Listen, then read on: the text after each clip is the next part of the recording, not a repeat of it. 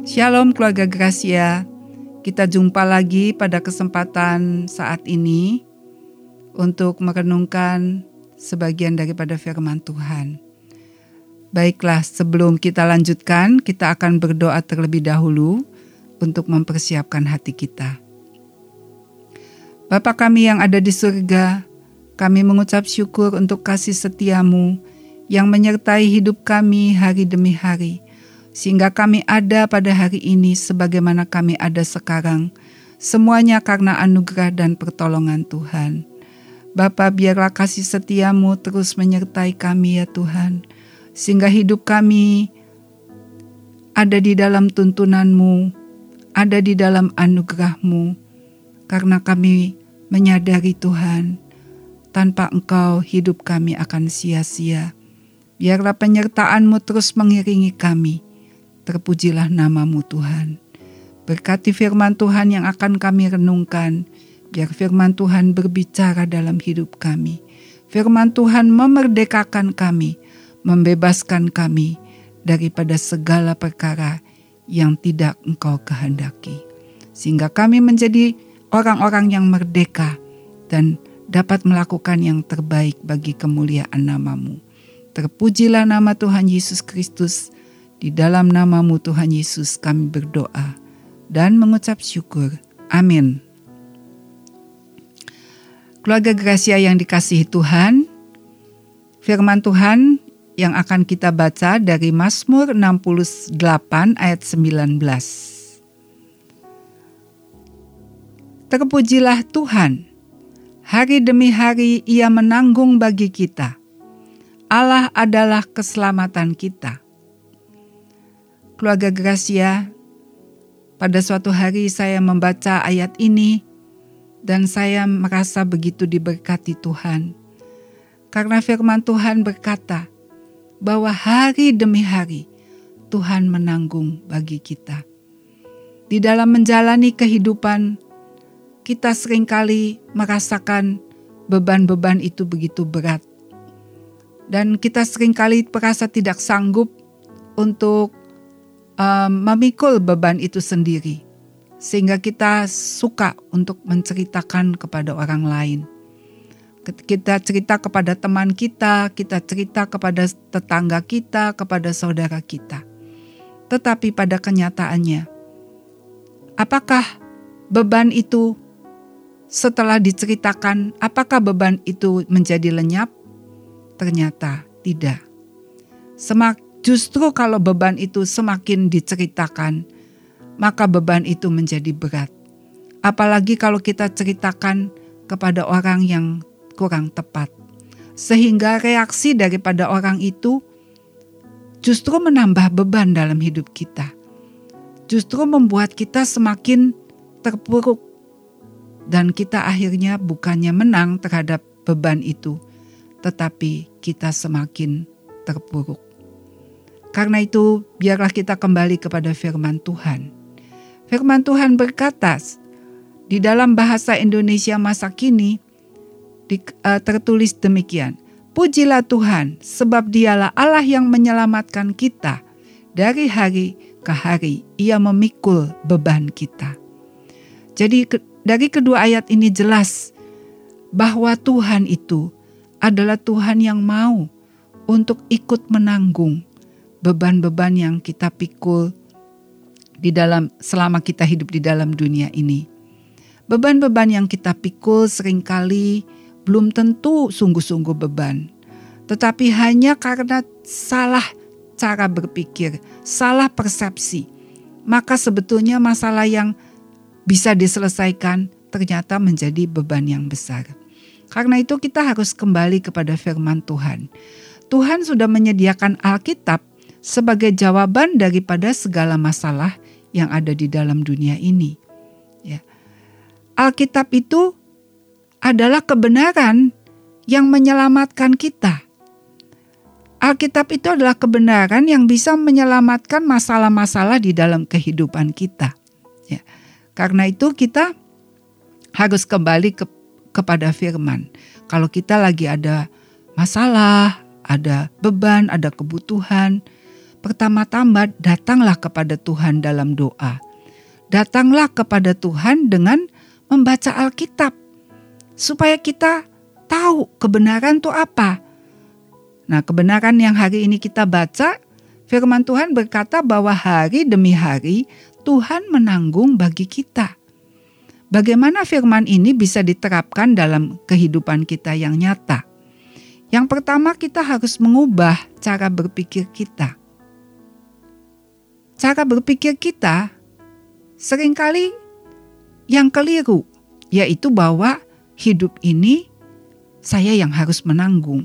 Padahal firman Tuhan berkata bahwa Tuhan itu mau, Tuhan itu berkenan mengambil bagian-bagian dalam kehidupan kita yang kita tidak bisa yang kita tidak mampu. Jadi sebenarnya kebenaran adalah kita itu tidak berjalan sendiri di dalam dunia ini. Tuhan menyertai kita dan dia ikut menanggung beban kita. Kalau kita sebagai orang tua saja ya keluarga Gracia. Kalau kita punya anak dan anak kita mengalami kesulitan di dalam belajar. Apakah kita diam saja? Apakah kita cuek saja? Pasti tidak, bukan? Kita pasti akan cari jalan. Mungkin kita bantu sebisanya kita, atau kita pergi kepada orang yang bisa ditanyain gitu, ya. Tapi hati kita ini sebagai orang tua kan ikut menanggung, ikut mau membantu anak kita yang ada dalam kesulitan belajar. Nah, keluarga Gracia, bukankah Tuhan itu lebih mengasihi kita? Tuhan itu lebih besar dan lebih berkuasa, lebih sanggup untuk menolong kita daripada orang tua yang ada di dalam dunia ini. Tuhan itu lebih daripada manusia yang ada dalam dunia ini. Kasihnya lebih besar, kepeduliannya lebih besar belas kasihannya lebih besar. Ya.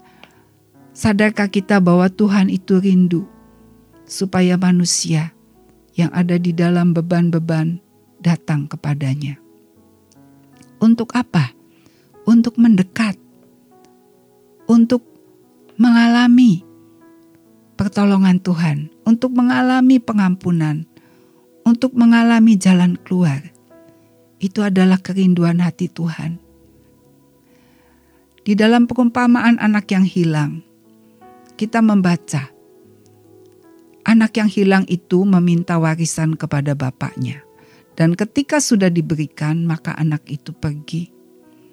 Dia berfoya-foya sampai segalanya habis.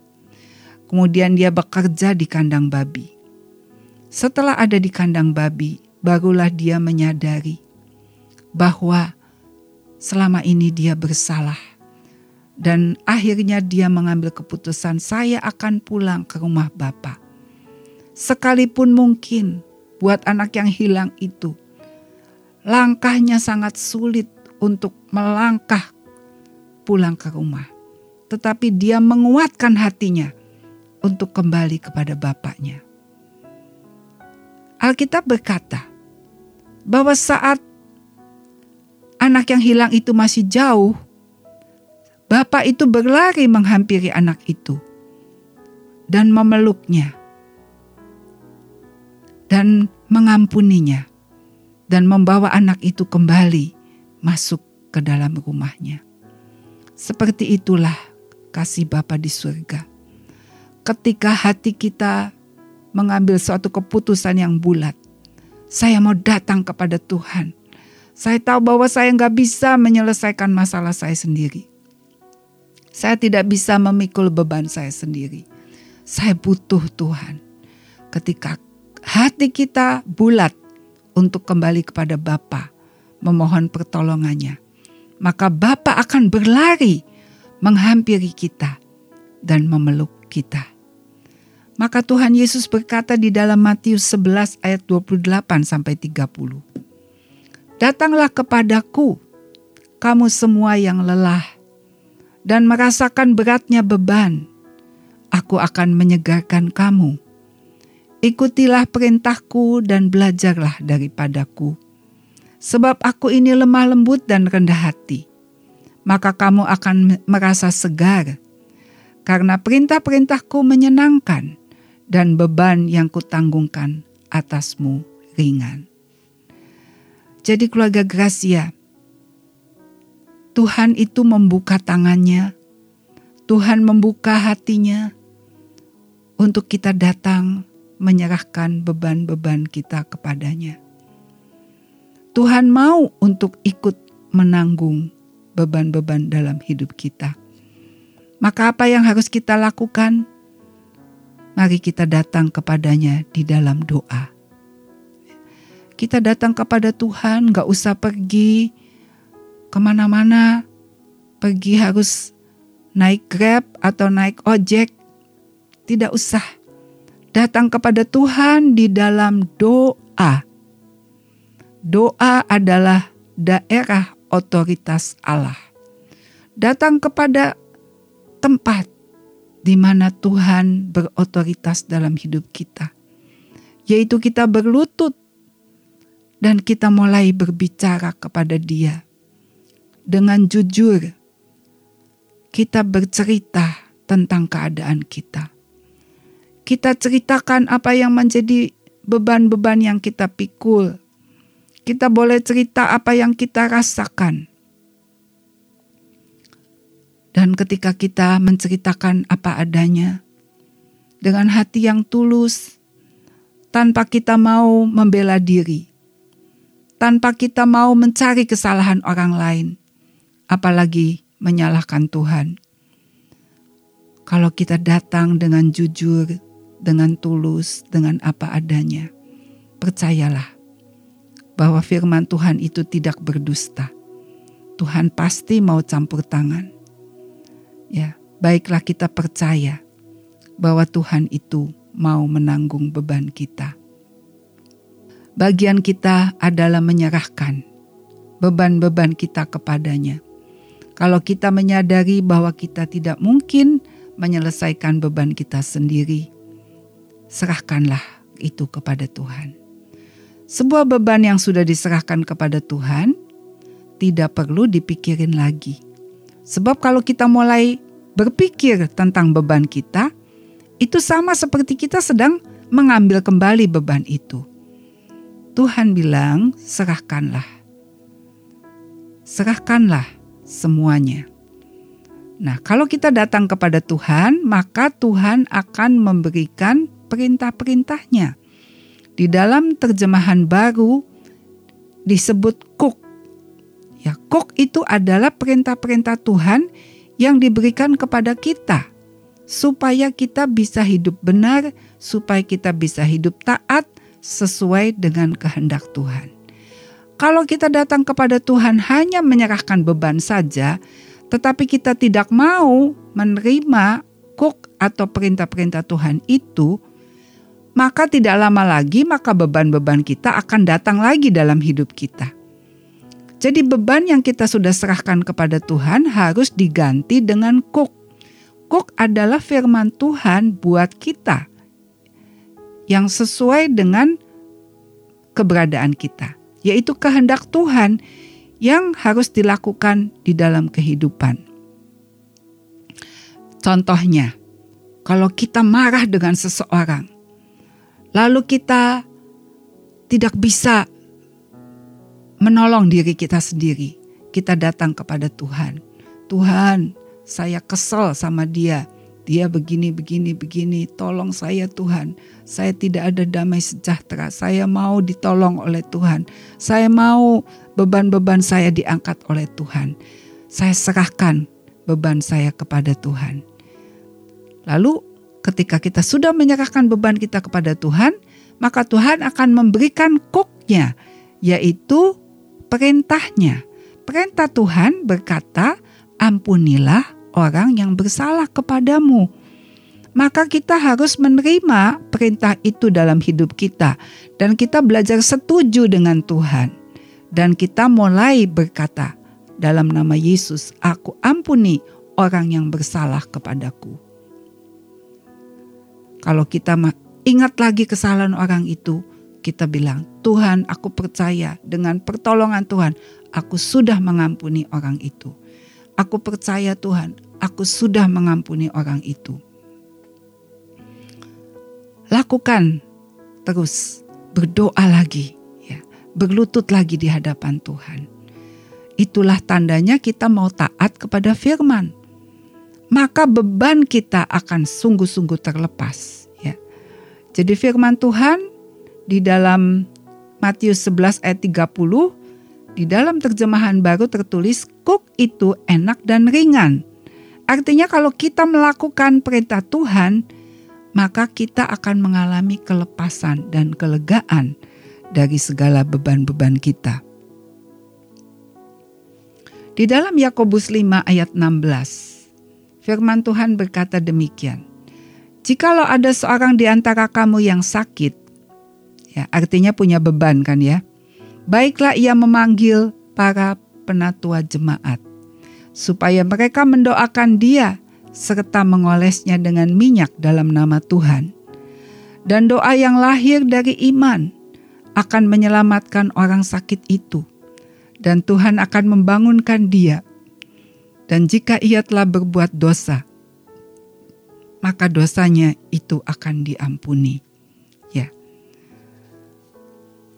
Keluarga Gracia, di sini kita melihat Yakobus memberikan suatu petunjuk. Jikalau ada jikalau ada seorang di antara kamu yang sakit. Ya, nah istilah sakit ini bisa bisa sakit jasmani, bisa juga sakit rohani. Bisa juga sakit di dalam pikiran, sakit di dalam perasaan. Jadi sakit ini jangan hanya masalah jasmani, tetapi sakit ini bisa berarti luas. Ya. Dan di sini dikatakan baiklah ia memanggil para penatua jemaat jadi dukungan dari saudara seiman itu, dukungan dari hamba-hamba Tuhan itu akan diberkati Tuhan, ya. Supaya mereka mendoakan dia. Jadi doa itu sangat besar kuasanya. Beban persoalan kita bisa mendapat pertolongan ketika kita datang kepada Tuhan di dalam doa. Dan juga dengan pengurapan karena dengan pengurapan minyak, maka kita mendapat perlindungan supaya beban itu tidak terus mengganggu kehidupan kita, membebani kita. Tetapi kita bisa merasakan kelepasan dan kita akan mengalami pertolongan Tuhan. Lalu ayat selanjutnya berkata, dan doa yang lahir dari iman akan menyelamatkan orang sakit itu. Ya, jadi kalau kita sebagai orang yang dipanggil untuk mendoakan seseorang yang sedang sakit atau seseorang yang punya beban atau seseorang yang punya masalah. Maka di dalam ayat ini dikatakan doa yang lahir dari iman. Jadi kita belajar berdoa itu dengan doa yang lahir dari iman. Seringkali kalau kita jujur, doa-doa kita banyak kali doa yang lahir dari ketakutan, doa yang lahir dari kekhawatiran, doa yang lahir dari tangisan, dari putus asa. Ya. Tetapi firman Tuhan berkata bahwa doa yang menyelamatkan adalah doa yang lahir dari iman. Bagaimana iman bisa tumbuh dalam hidup kita? Firman Tuhan berkata bahwa iman itu datang dari pendengaran akan firman Tuhan. Jadi kalau kita mau berdoa, baiklah kita punya dasar pegangan firman Tuhan supaya kita bisa berdoa dengan doa yang lahir dari iman. Ya. Jadi di sini kita belajar doa dan firman itu saling berkaitan. Ya. Jangan kita hanya mau berdoa saja tapi tidak mau membaca Alkitab. kita tidak tahu apa kehendak Tuhan, dan kita tidak tahu apa yang harus kita percayai. Kita tidak tahu petunjuk-petunjuk Tuhan, apa yang harus kita lakukan. Nah, tapi kalau kita mau baca firman Tuhan, maka petunjuk firman Tuhan itu bisa kita pegang. Itulah yang menjadi dasar, menjadi pegangan, menjadi kekuatan buat kita sehingga dengan pegangan firman Tuhan itu kita akan mengucapkan doa-doa yang lahir dari iman. Dan doa yang lahir dari iman dikatakan akan menyelamatkan orang sakit itu. Jadi orang yang punya masalah itu akan diselamatkan. Jikalau kita belajar berdoa dengan doa yang lahir dari iman. Dan Tuhan akan membangunkan dia. Artinya Tuhan akan menolong Tuhan ikut menanggung beban orang itu. Dan jika ia telah berbuat dosa, maka dosanya itu akan diampuni. Ya. Betapa indahnya keluarga Gracia. Kalau kita dipakai Tuhan untuk mendoakan orang dan kita doa dengan iman dan percaya bahwa doa yang lahir dari iman itu akan menyelamatkan orang yang kita doakan, dan jika orang yang kita doakan itu sudah berbuat dosa, maka dosanya itu akan diampuni. Itu janji Tuhan yang luar biasa yang kita bisa pegang dan kita aminkan dalam kehidupan kita. Karena itu keluarga Gracia, apakah saat ini kita yang sedang menanggung beban yang berat atau kita sedang melihat orang lain sedang menanggung beban yang berat, kita kembali kepada firman. Firman Tuhan berkata bahwa hari demi hari Tuhan itu memikul akan beban kita. Siapa yang berbeban berat datang kepada Tuhan. Ceritakan beban kita apa adanya. Dan belajar untuk melepaskan pikiran-pikiran manusia kita, supaya kita bisa menerima kebenaran firman Tuhan yang dapat menjadi jawaban dalam hidup kita. Kita serahkan beban kita dengan iman, dengan percaya, dengan yakin, dan jangan cari jalan sendiri. Percayakan persoalanmu, bebanmu kepada Tuhan, dan Dia punya cara yang terbaik untuk menyelesaikan beban saudara dan beban saya. Itu adalah kebenaran, itu adalah pengharapan dan jawaban atas beban-beban yang ada dalam hidup kita. Justru Tuhan mau supaya lewat beban yang kita alami, kita mengalami Tuhan.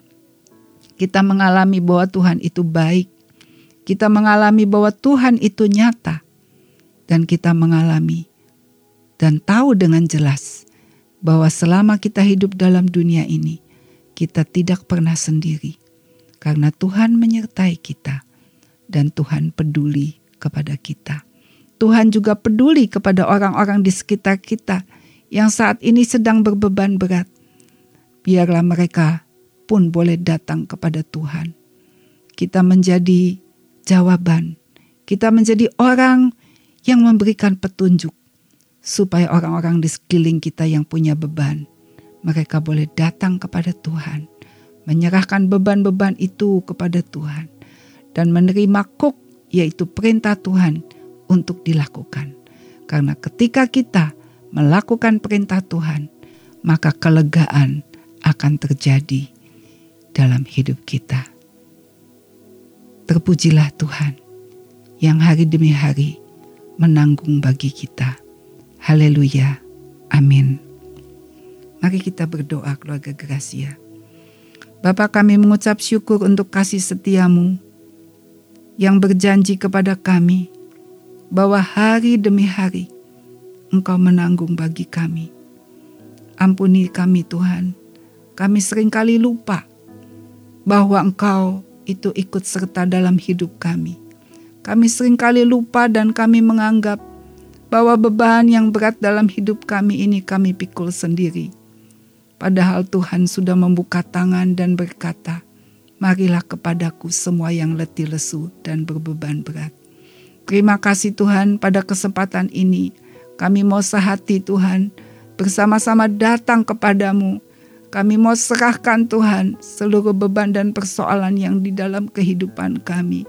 Beri kami hati yang baru, hati yang mengasihi Engkau, hati yang mencintai firman Tuhan, hati yang suka untuk merenungkan firman Tuhan.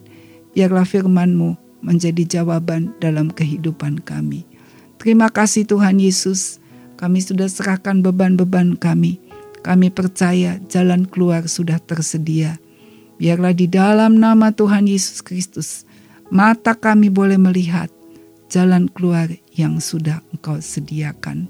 Kami mau Tuhan diurapi, supaya kami bisa melihat pertolongan yang sudah tersedia di depan mata kami. Terima kasih Bapa, kami bersyukur dan kami percaya semua sudah Tuhan selesaikan dengan tuntas. Karena itu di dalam nama Tuhan Yesus kami berdoa dan mengucap syukur. Amin.